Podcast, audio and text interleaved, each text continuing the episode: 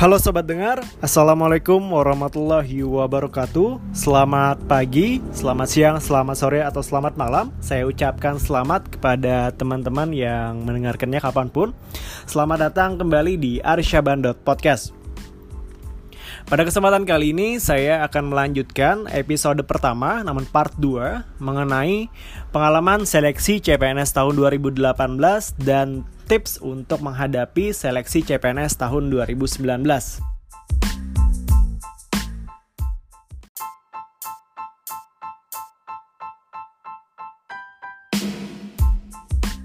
Saya ucapkan terima kasih dan apresiasi yang sebesar-besarnya buat sobat dengar yang telah bersedia mendengarkan podcast yang sederhana ini.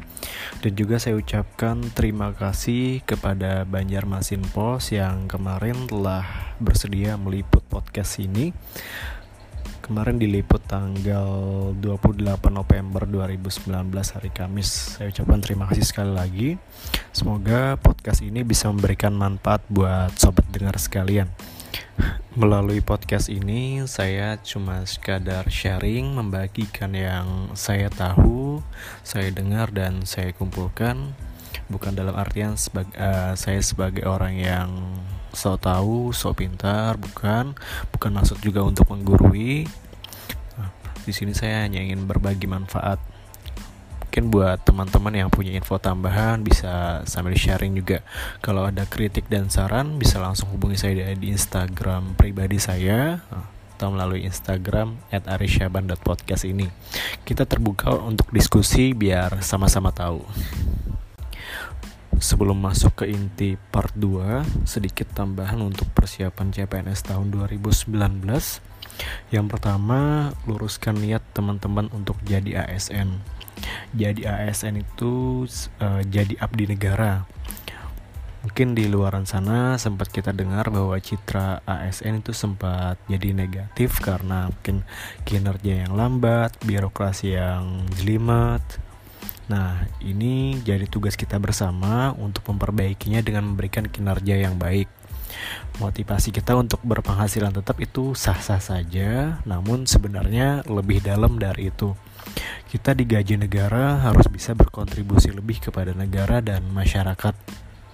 Kita perlu SDM unggul yang mau berkontribusi untuk menjalankan roda pemerintahan dan memberikan pelayanan terbaik kepada masyarakat.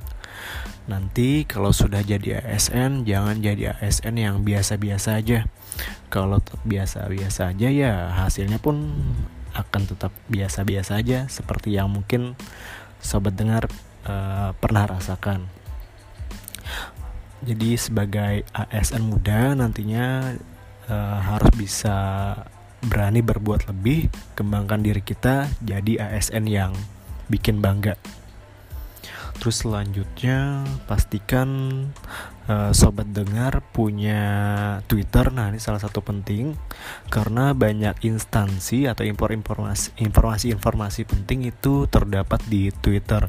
Jadi pastikan teman-teman punya Twitter, follow akun-akun penting tentang CPNS dan instansi terkait, aktifkan fitur uh, turn on notifikasi. Jadi kalau misalnya ada informasi terbaru, teman-teman bisa langsung update Selanjutnya follow akun-akun Instagram yang berhubungan dengan CPNS. Nah juga di Instagram kan juga banyak tuh akun-akun yang berhubungan dengan CPNS. Ada yang membahas tentang informasi CPNS, ada yang e, membahas tentang soal-soal atau tentang tes CPNS seperti itu.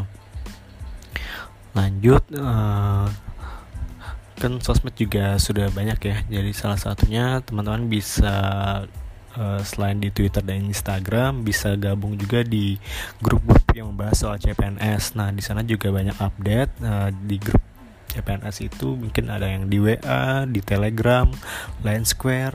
Nah, jadi di situ teman-teman bergabung aja uh, dengan teman-teman seperjuangannya. Terus tonton konten YouTube yang berhubungan dengan CPNS. Nah, jadi misalnya teman-teman uh, punya internet yang memadai, bisa tonton YouTube yang membahas tentang informasi-informasi CPNS. Seleksi CPNS itu terdiri dari beberapa tahapan. Nah, tahapan yang pertama itu adalah seleksi administrasi. Tahapan yang kedua adalah seleksi kompetensi dasar. Yang ketiga adalah seleksi kompetensi bidang. Yang keempat, wawancara, pengamatan fisik dan keterampilan. Nah, jadi e, untuk tahapan yang awalan ini adalah masih dalam tahapan seleksi administrasi. Jadi seleksi administrasi ini uh, pihak panitia CPNS itu memverifikasi dokumen-dokumen yang telah diunggah dan dokumen yang telah dikirimkan uh, menyesuaikan dengan data-data yang diajukan untuk lamarannya. Nah, sambil menunggu pengumuman seleksi administrasi itu nanti ada namanya masa sanggah. Masa sanggah ini hal yang baru di CPNS tahun 2019 ya, masa sanggah ini merupakan masa yang diberikan oleh panitia CPNS untuk mengajukan sanggah atas keberatan hasil seleksi administrasi. Nah, di sini dijadwalkannya sih di Januari tahun 2020. Itu ada ketentuannya yang pertama, pelamar mengajukan sanggahan maksimal tiga hari setelah pengumuman hasil seleksi administrasi. Jadi, kalau sudah diumumkan dan merasa keberatan atau data yang seharusnya benar namun tidak diloloskan itu bisa diajukan masa sanggahnya jadi maksimal tiga hari setelah pengumuman ya. Nanti eh, panitia akan memverifikasi ulang. Nah untuk pengumuman hasil kembali itu maksimal tujuh hari setelah berakhirnya masa sanggah. Jadi ditunggu saja kalau misalnya uh, sanggahannya diterima itu nanti akan diinformasikan oleh panitia CPNS. Nah untuk formasi SLTA itu ada pengukuran tinggi badan. Uh, jadi pastikan tinggi teman-teman uh, pas atau di atasnya untuk laki-laki 160 cm dan untuk perempuan 155 cm. Untuk format S1 tidak ada pengukuran tinggi badan, jadi hanya untuk formasi SLTA yang dari Kemenkumham seperti penjaga tahanan dan pemeriksa keimigrasian. Untuk tipsnya uh, mungkin istirahat yang cukup, sarapan dan sebelum datang ke tempat tes eh, teman-teman bisa lakukan stretching ringan dulu atau kalau bisa di rumah sempat uh, pull up coba pull up dulu. Jadi itu bisa memaksimalkan tinggi badan kita pada saat pengukuran nanti. Nah apabila teman-teman sudah lulus tahapan awal yaitu seleksi administrasi teman-teman akan lanjut ke tahapan selanjutnya yaitu seleksi kompetensi dasar atau tes SKD tes SKD ini memiliki istilahnya passing grade, passing grade atau nilai ambang kelulusan. Nah, jadi ada masing-masing skor yang harus dicapai oleh calon peserta CPNS. Berbeda dari tahun sebelumnya, pada tahun 2019 ini ada skor yang diturunkan oleh panitia informasinya mengingat karena pada tahun 2018 itu banyak daerah yang tidak mencapai passing grade yang menyebabkan beberapa formasi itu terjadi kekosongan. Nah, jadi informasi yang saya dapatkan itu untuk tahun ini diturunkan. Untuk uh, passing grade TWK sebelumnya di tahun 2018 itu 75 untuk tahun 2019 itu menjadi 65 dan untuk TIU eh, itu tetap tetap di 80 nah yang berbeda itu adalah TKP yang di tahun 2018 itu 143 nah untuk yang di tahun 2019 ini jadi 126 jadi untuk di tahun 2019 passing grade-nya TWK 65 TU 80, TKP-nya 126 dan totalnya 271. Ini untuk jalur umum, kalau untuk jalur yang lainnya seperti kamlaut, disabilitas itu penyesuaian.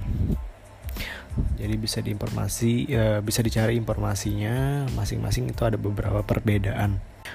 untuk passing grade atau nilai ambang batas ini teman-teman diusahakan untuk mencapai sesuai dengan yang telah ditentukan itu batas minimalnya ya.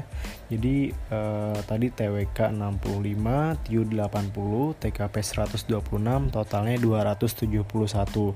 Nah, jadi di sini yang agak mengurangkan hasilnya biasanya eh, di salah satu dari ketiga tes tersebut ada nilai yang misalnya TWK-nya 75 namun TIU-nya 75 TKP 140 misalnya. Walaupun totalnya lebih dari uh, akumulatifnya itu akan tetap tidak lulus karena perbedaan yang di TIU tadi. Kan TIU standarnya adalah 80 nah jadi usahakan teman-teman bisa mencapai hasil di atas yang telah ditentukan passing grade-nya. Seperti itu.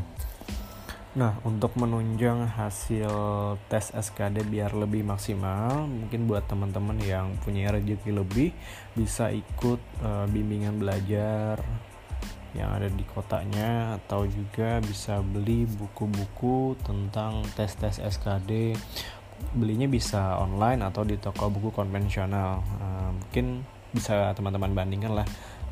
Kalau misalnya beli online berapa di toko toko buku konvensional berapa. Karena kemarin waktu tahun 2018 saya membandingkan di toko online di marketplace itu harganya lebih murah dari pada di toko buku konvensional atau teman-teman bisa download tuh soal-soal untuk SKD kan sudah lumayan banyak juga tersebar PDF-nya di internet di website-website uh, coba googling aja Nah, dan juga bisa gunakan aplikasi tes SKD. Itu ada yang juga di web-web atau di Play Store, App Store juga tersedia. Download aja, lahap aja belajarnya. Lalu teman-teman juga bisa nonton YouTube yang berisi konten pembahasan soal dan materi. Mungkin teman-teman tidak bisa secara fokus langsung nonton YouTube, bisa sambil beraktivitas yang lainnya, convert aja tuh ke MP3. Jadi teman-teman bisa sambil dengarkan seperti dengerin musik lah pakai headset. Jadi bisa beraktivitas yang lainnya sambil belajar. Materi tes seleksi kompetensi dasar. SKD itu terdiri dari tiga bagian tes. Yang pertama adalah tes wawasan kebangsaan atau TWK. Yang kedua adalah tes intelijensi umum atau TIU. Yang terakhir adalah tes karakteristik pribadi atau TKP. Nah, di sini masing-masing sudah ada ketentuannya dari pemerintah ada permennya Permen Pan RB nomor 23 tahun 2019 memang untuk tahun 2019 itu ada beberapa perbedaan materi yang diujikan berbeda di tahun 2018 lebih banyak. Untuk tes wawasan kebangsaan yang pertama itu membahas tentang nasionalisme yang kedua integritas, yang ketiga bela negara, yang keempat pilar negara dan yang kelima bahasa Indonesia. Nah, jadi nanti teman-teman coba pelajari aja tentang pilar-pilar kebangsaan seperti Pancasila, NKRI, Undang-Undang Dasar 1945, Bhinneka Tunggal Ika, sistem tata negara, pemerintah pusat dan pemerintah daerah. Terus untuk presiden, wakil presiden, MPR, DPR, Mahkamah Tinggi, Komisi Yudisial, pelajari fungsi hak dan kewajibannya. Baca-baca juga tentang trias politika, sistem tata negara. Nah, untuk yang tahun ini informasinya isu radikalisme juga diangkat sebagai bahan tes. Jadi sambil dipelajari aja isu-isu yang terbaru tentang radikalisme. Untuk tips TWK itu teman-teman bisa bikin rangkuman tentang tanggal-tanggal penting, tokoh-tokoh, perjanjian, partai-partai dan kejadian-kejadian penting, tempat-tempat penting, undang-undang yang berkaitan dengan poin-poin yang di atas tadi. Jadi bisa bikin rangkumannya. Uh, teman-teman bisa coba buat ringkasan catatannya di catatan kecil bisa tulis tangan atau uh, ketik di aplikasi. Uh, uh, menurut informasi yang saya dapatkan itu ada penelitian yang mengatakan bahwa kalau kita mencatat dengan tulis tangan itu bisa memaksimalkan kinerja otak untuk mengingat uh, sesuatu itu akan lebih mudah diingat kalau misalnya di aplikasi pun tidak ada salahnya juga. Kalau misalnya di aplikasi uh, saya sarankan bisa gunakan aplikasi Google Keep atau Evernote.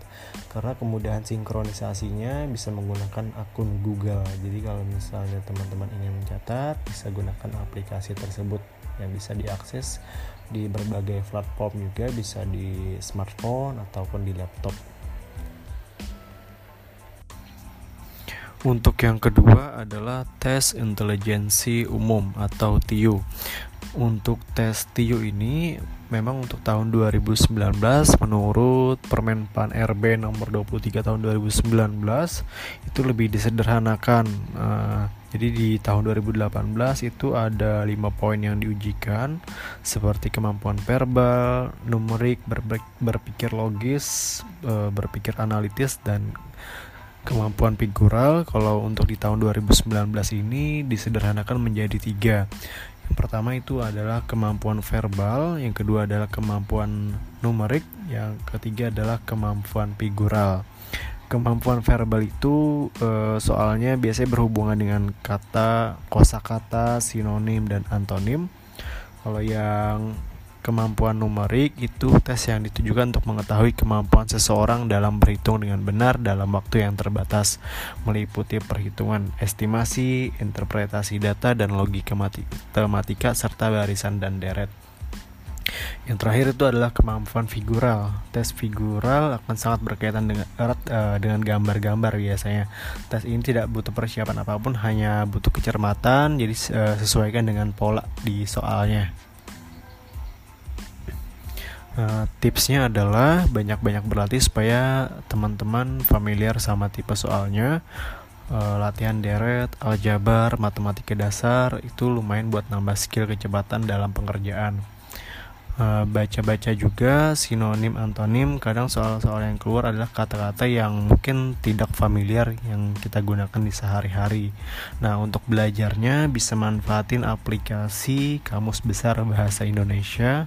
Nah, di sana coba searching aja kata-kata yang mungkin tidak familiar di uh, telinga teman-teman seperti itu. Yang ketiga adalah tes karakteristik pribadi atau TKP. Untuk di tahun 2019 itu ada 5 poin kisi-kisinya berdasarkan permenpan RB nomor 23 juga tahun 2019 itu yang pertama adalah pelayanan publik yang kedua sosial budaya yang ketiga teknologi informasi dan komunikasi profesionalisme dan terakhir jejaring kerja.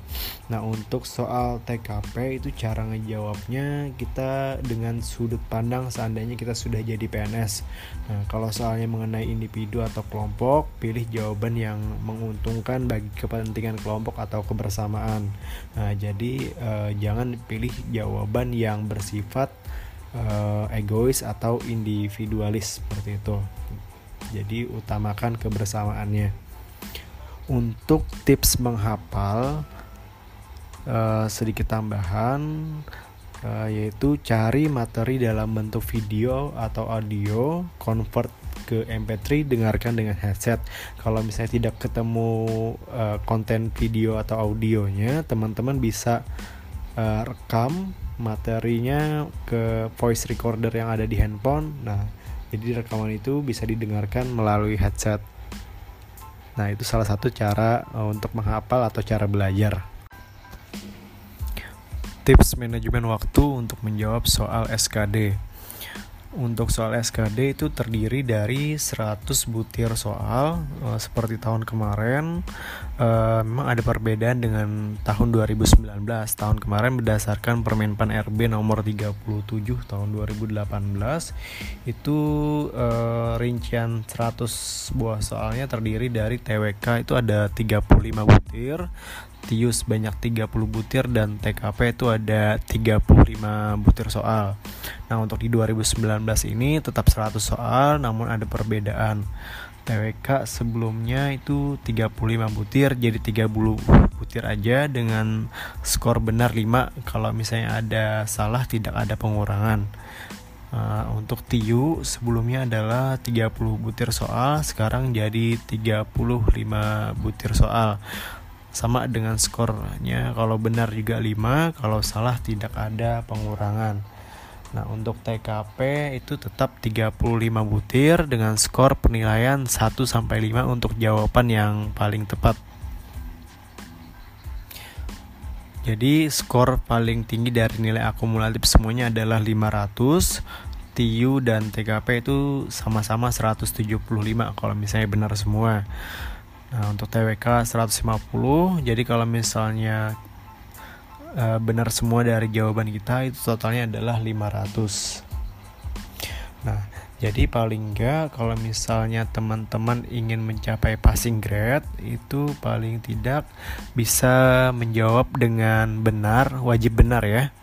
Nah, jadi TKP itu paling tidak teman-teman yakin uh, ada 26 soal yang mendapatkan skor 5 Nah jadi itu skornya sudah mencapai 130 untuk nilainya.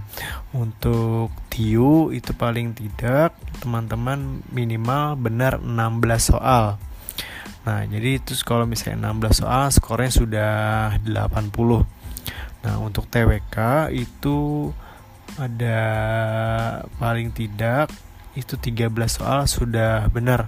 Jadi skornya adalah 65 nah totalnya itu semuanya 275 dan berhasil untuk melewati passing grade. Nah jadi diusahakan minimal menjawab soal benarnya seperti yang saya jelaskan tadi. Tapi tetap harus berusaha juga untuk uh, mengerjakannya dengan baik agar hasilnya bisa lebih maksimal dan membantu teman-teman untuk perhitungan akumulatif nanti nilai keseluruhan pada saat tes SKB, wawancara dan seterusnya.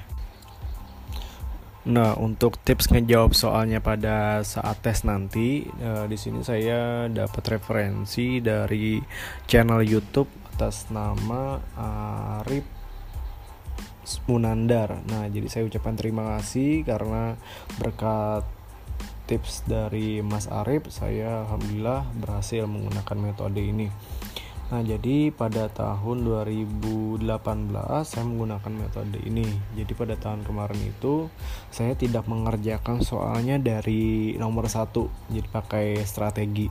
Nah jadi yang pertama kali saya kerjakan itu adalah soal TKP Nah nanti pada saat teman-teman sudah login dan sudah uh, muncul soal-soalnya Nanti langsung menuju ke nomor 66. Nah, untuk soal TKP itu biasanya dimulai dari uh, nomor soal 66 sampai dengan 100. Nah, jadi klik aja di situ nomornya, kerjakan aja dulu yang paling mudah, jangan terlalu banyak baca, cukup mungkin satu kali aja dibaca, langsung jawab karena waktu sangat berharga. Kalau ada yang masih kosong, long, uh, loncatin aja dulu, paling tidak kalian sudah yakin benar 26 soal minimal dengan skor masing-masing 5 kalau benar udah skornya kalian dapat 130 Terus kalau misalnya sudah itu lanjut kerjakan soal TWK itu nah itu dikerjakan dari nomor 1 sampai dengan 30 kerjakan yang kalian tahu terlebih dahulu minimal yakin 13 soal jawabannya yang benar.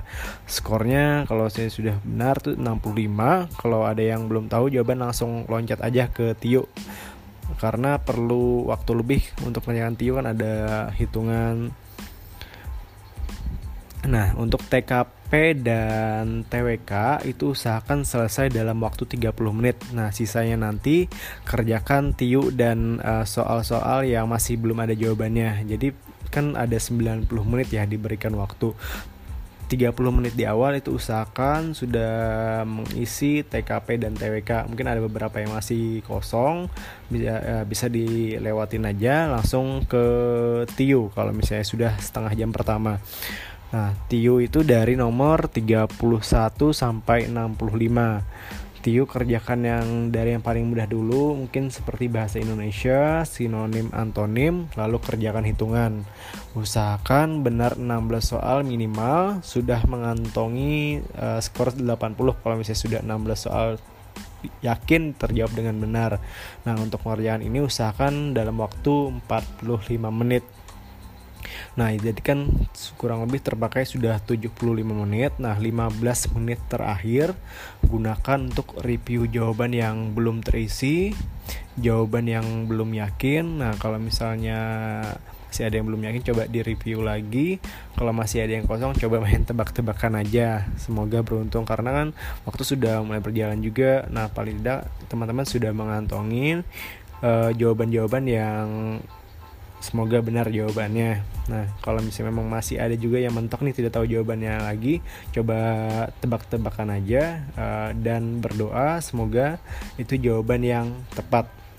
Nah, kalau misalnya kemarin saya dapat tips kalau misalnya kita sebagai muslim untuk menjawab itu kalau misalnya sudah mentok, coba disolawatin aja. Sholli ala Muhammad. Seperti itu. Pokoknya jangan sampai dikosongin kalau misalnya kalau kita kosongin tuh tidak ada nilai apa-apa. Kalau misalnya kita coba jawab saja siapa tahu itu memang yang jawaban yang tepat nah itu akan menjadi penambahan skor kita. Nah untuk tahun kemarin Alhamdulillah skornya pas-pasan. Ya Alhamdulillah lebih tinggi lah dari dibanding di tahun 2017 untuk uh, eh, TWK saya skornya 90 TU 80 dan TKP 152. Jadi saya menggunakan metode yang saya ceritakan sebelumnya. Alhamdulillah uh, total skornya itu 322. Tidak terlalu tinggi dan tidak terlalu rendah. Alhamdulillah masuk.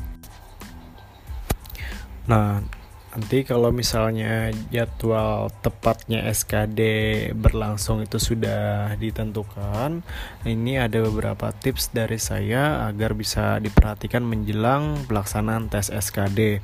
Yang pertama, perhatikan jadwal dan tempat tes dengan teliti. Pastikan teman-teman sudah tahu lokasi tepatnya di mana dan jadwal pastinya kapan seperti itu. Karena pada tahun kemarin pengalamannya itu terjadi perubahan jadwal yang tiba-tiba. Jadi pengumumannya itu malam sebelumnya melalui website. Jadi kita dapat informasi dari sosmed langsung cek uh, di website. Ternyata ada uh, jadwal yang harus menyesuai, menyesuaikan ulang. Jadi sebelumnya seperti saya kemarin seharusnya dijadwalkan jam 8 pagi itu diundur menjadi jam 10 pagi. Nah, pada saat itu pada tes SKD-nya paginya itu ada gangguan server. Nah, yang pagi ini diundur karena gangguan jadi uh, ada kemoloran waktu. Seharusnya saya dijadwalkan fixnya jam 10 Nah, jadi berlangsung di siang hari setelah Jumatan kalau tidak salah sekitar jam 2. Nah, jadi usahakan teman-teman sudah tahu fix jadwalnya dan juga lokasi tempatnya kalau misalnya teman-teman berasal dari luar kota coba survei dulu lah. Mungkin bisa cari data dan informasi melalui Google Maps. Dan kalaupun memang harus menginap pastikan teman-teman sudah berada di lokasi kota tersebut satu hari sebelum tes berlangsung.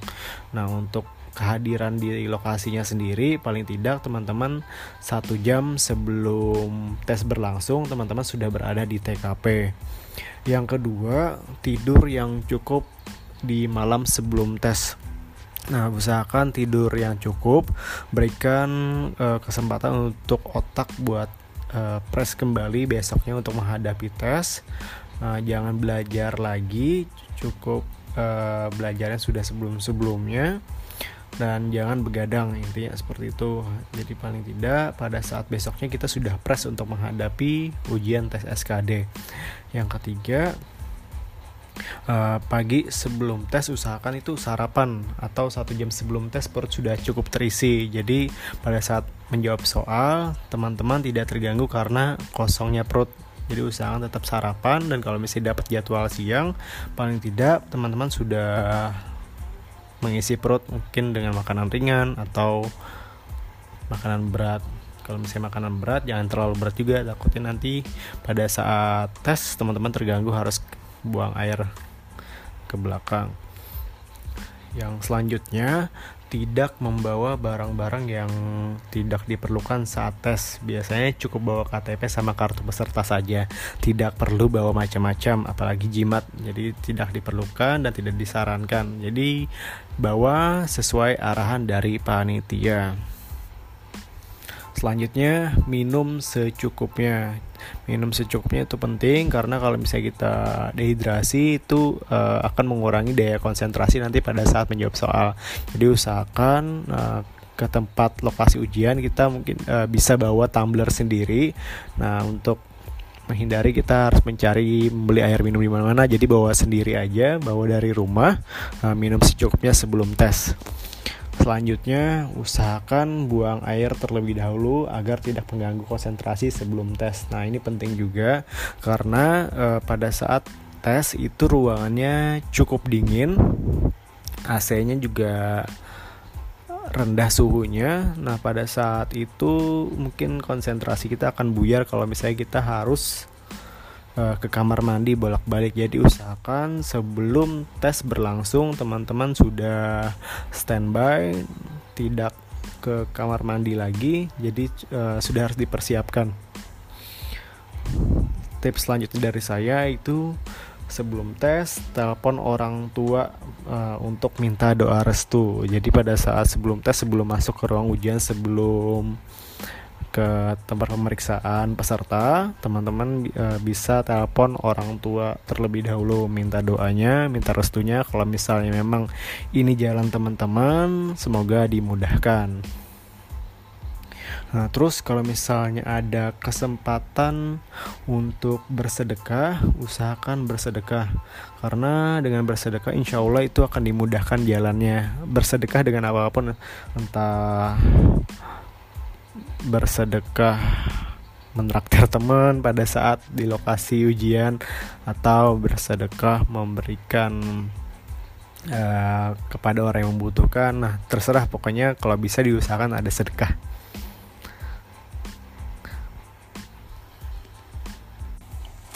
Nah, apabila sudah selesai ujiannya, teman-teman bisa mencatat skornya di kartu peserta. Jadi coba catat aja, misalnya kita dapat skor TWK berapa, TIU berapa, TKP berapa. Jadi catat aja karena kadang kita nggak bisa ngelihat di papan pengumuman yang di luar. Jadi coba catat hasil dari uh, skor yang telah kita dapatkan. Nah, apabila teman-teman berhasil mencapai passing grade, itu biasanya teman-teman akan diinformasikan untuk mengikuti tahapan selanjutnya untuk mengikuti seleksi kompetensi bidang. Nah, untuk D3 dan S1 kalau pengalaman tahun kemarin itu kalau sudah lulus SKD lanjut seleksi kompetensi bidangnya menggunakan computer assisted test. Nah, jadi untuk D3 dan S1 itu menggunakan komputer seperti SKD sebelumnya. Namun itu e, soal-soalnya biasanya itu berfokus ke formasi yang kita lamar. Terus e, yang perlu dipelajari juga bisa tentang kebijakan tentang formasi kita. Mungkin kalau misalnya ada peraturan-peraturan coba dipelajari. Nah, yang ketiga, kebijakan tentang ASN dan pemerintahan sambil dipelajari juga.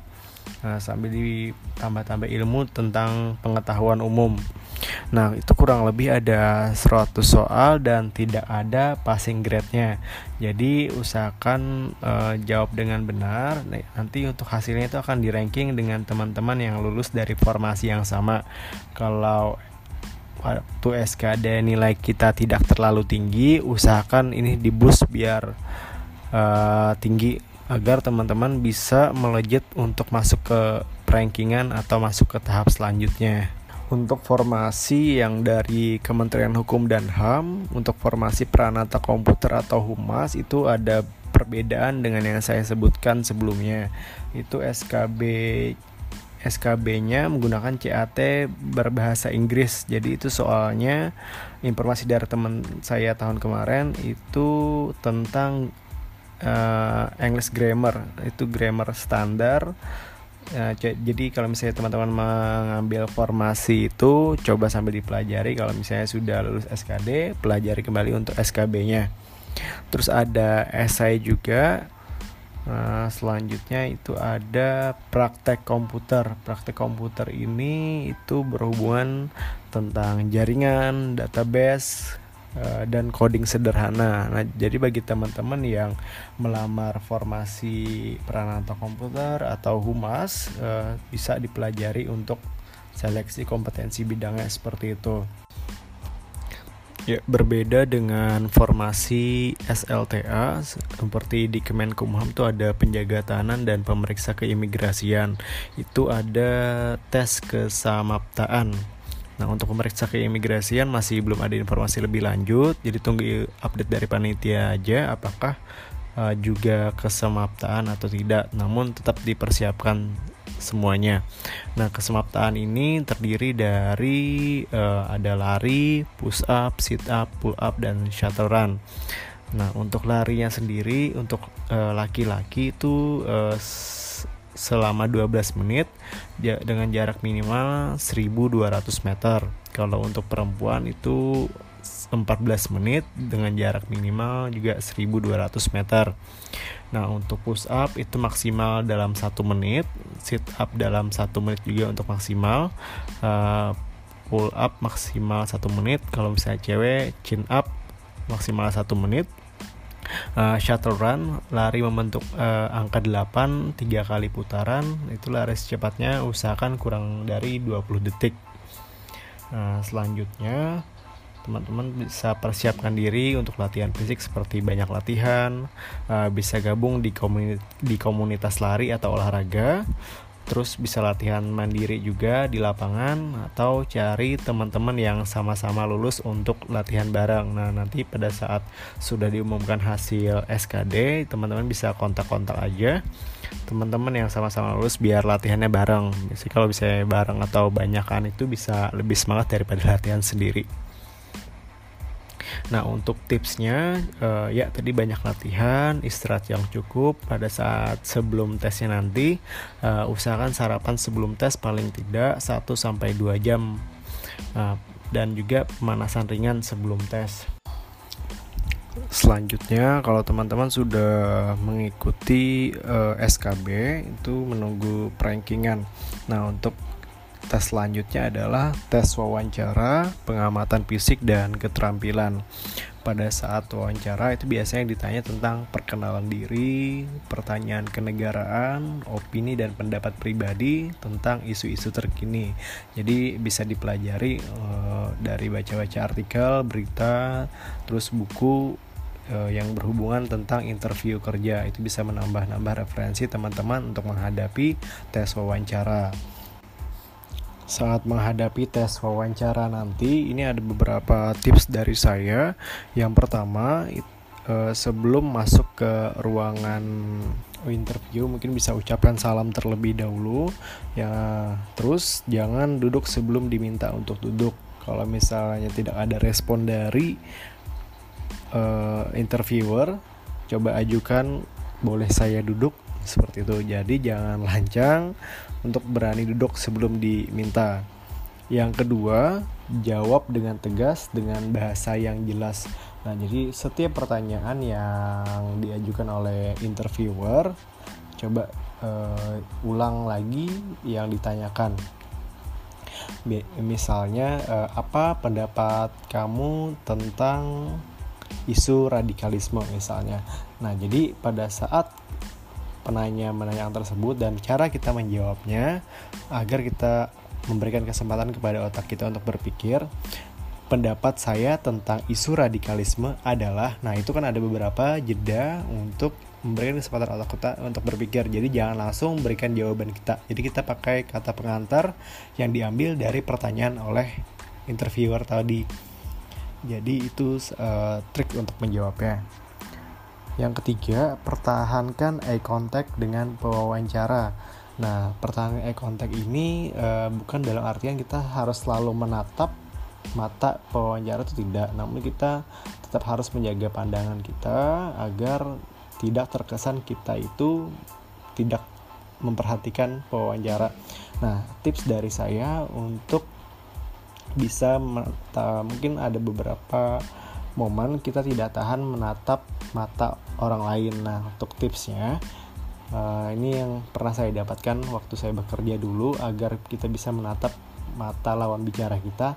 Itu yang ditatap itu bukan matanya, namun ada uh, yang di atas hidung itu ada di antara tengah mata itu yang ditatap. Nah, jadi pada saat kita ngomong dengan orang lain, kita tidak menatap matanya, namun kita memperhatikan atau memfokuskan ke titik tengah yang di antara kedua belah mata. Nah, itu biasanya bisa membuat kita uh, lebih memperhatikan orang lain. Uh, jadi orang lain itu merasa bahwa kita menyimak apa yang mereka bicarakan.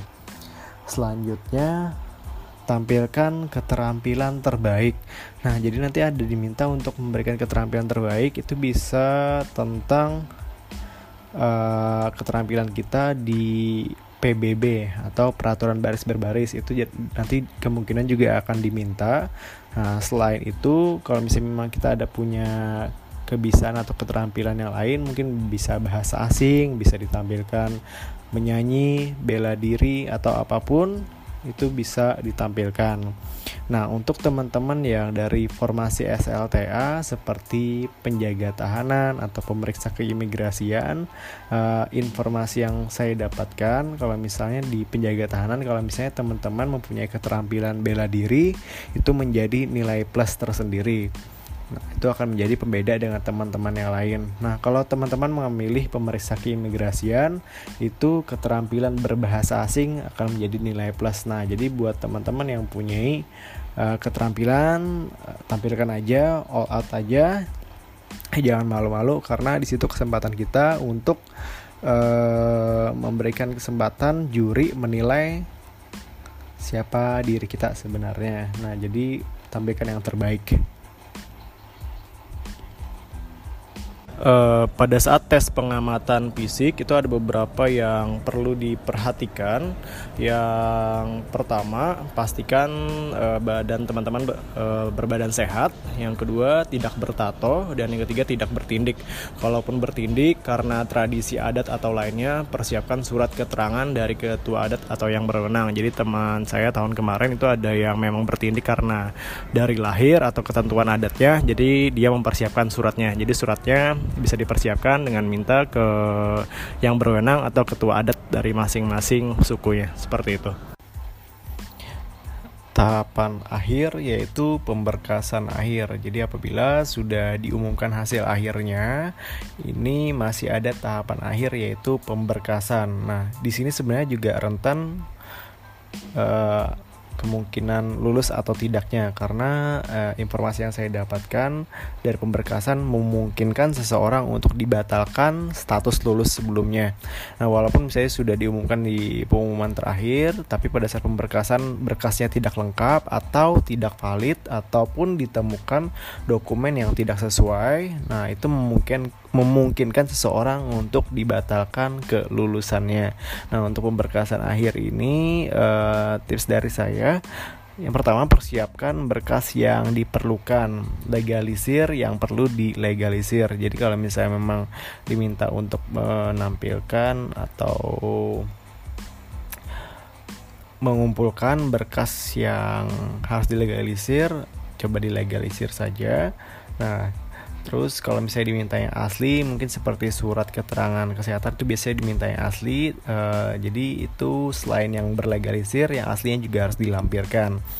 Yang kedua, hindari kesalahan saat menulis sur surat lamaran kalau diminta tulis tangan. Nah, untuk tahun kemarin untuk surat lamaran itu diminta secara tulis tangan pada saat pemberkasan terakhir. Nah, jadi saya itu beberapa kali uh, mengulangi karena ada sedikit saja kesalahan itu tidak boleh ada coretan di kertas surat lamaran. Jadi harus diulang dari awal. Memang sih ya saya perlu beberapa kali pengulangan. Nah semoga di tahun ini nanti uh, pemberkasannya semuanya menggunakan uh, ketik. Jadi agar meminimalisir kesalahan yang ketiga, persiapkan materai berlebih, lem, amplop, atau alat tulis pada saat pemberkasan atau saat pengumpulan. Jadi apabila uh, dikoreksi oleh panitia, uh, teman-teman tidak perlu bolak-balik ke rumah, jadi cukup uh, benarkan di lokasi.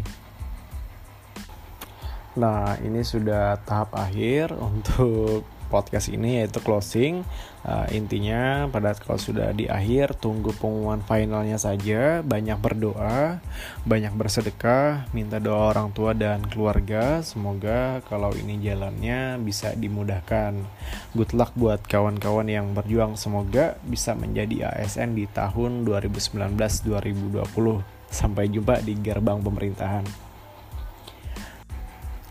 Saya ucapkan terima kasih bagi yang telah bersedia mendengarkan podcast yang sederhana ini. Semoga bermanfaat. Mohon maaf apabila ada kesalahan kata.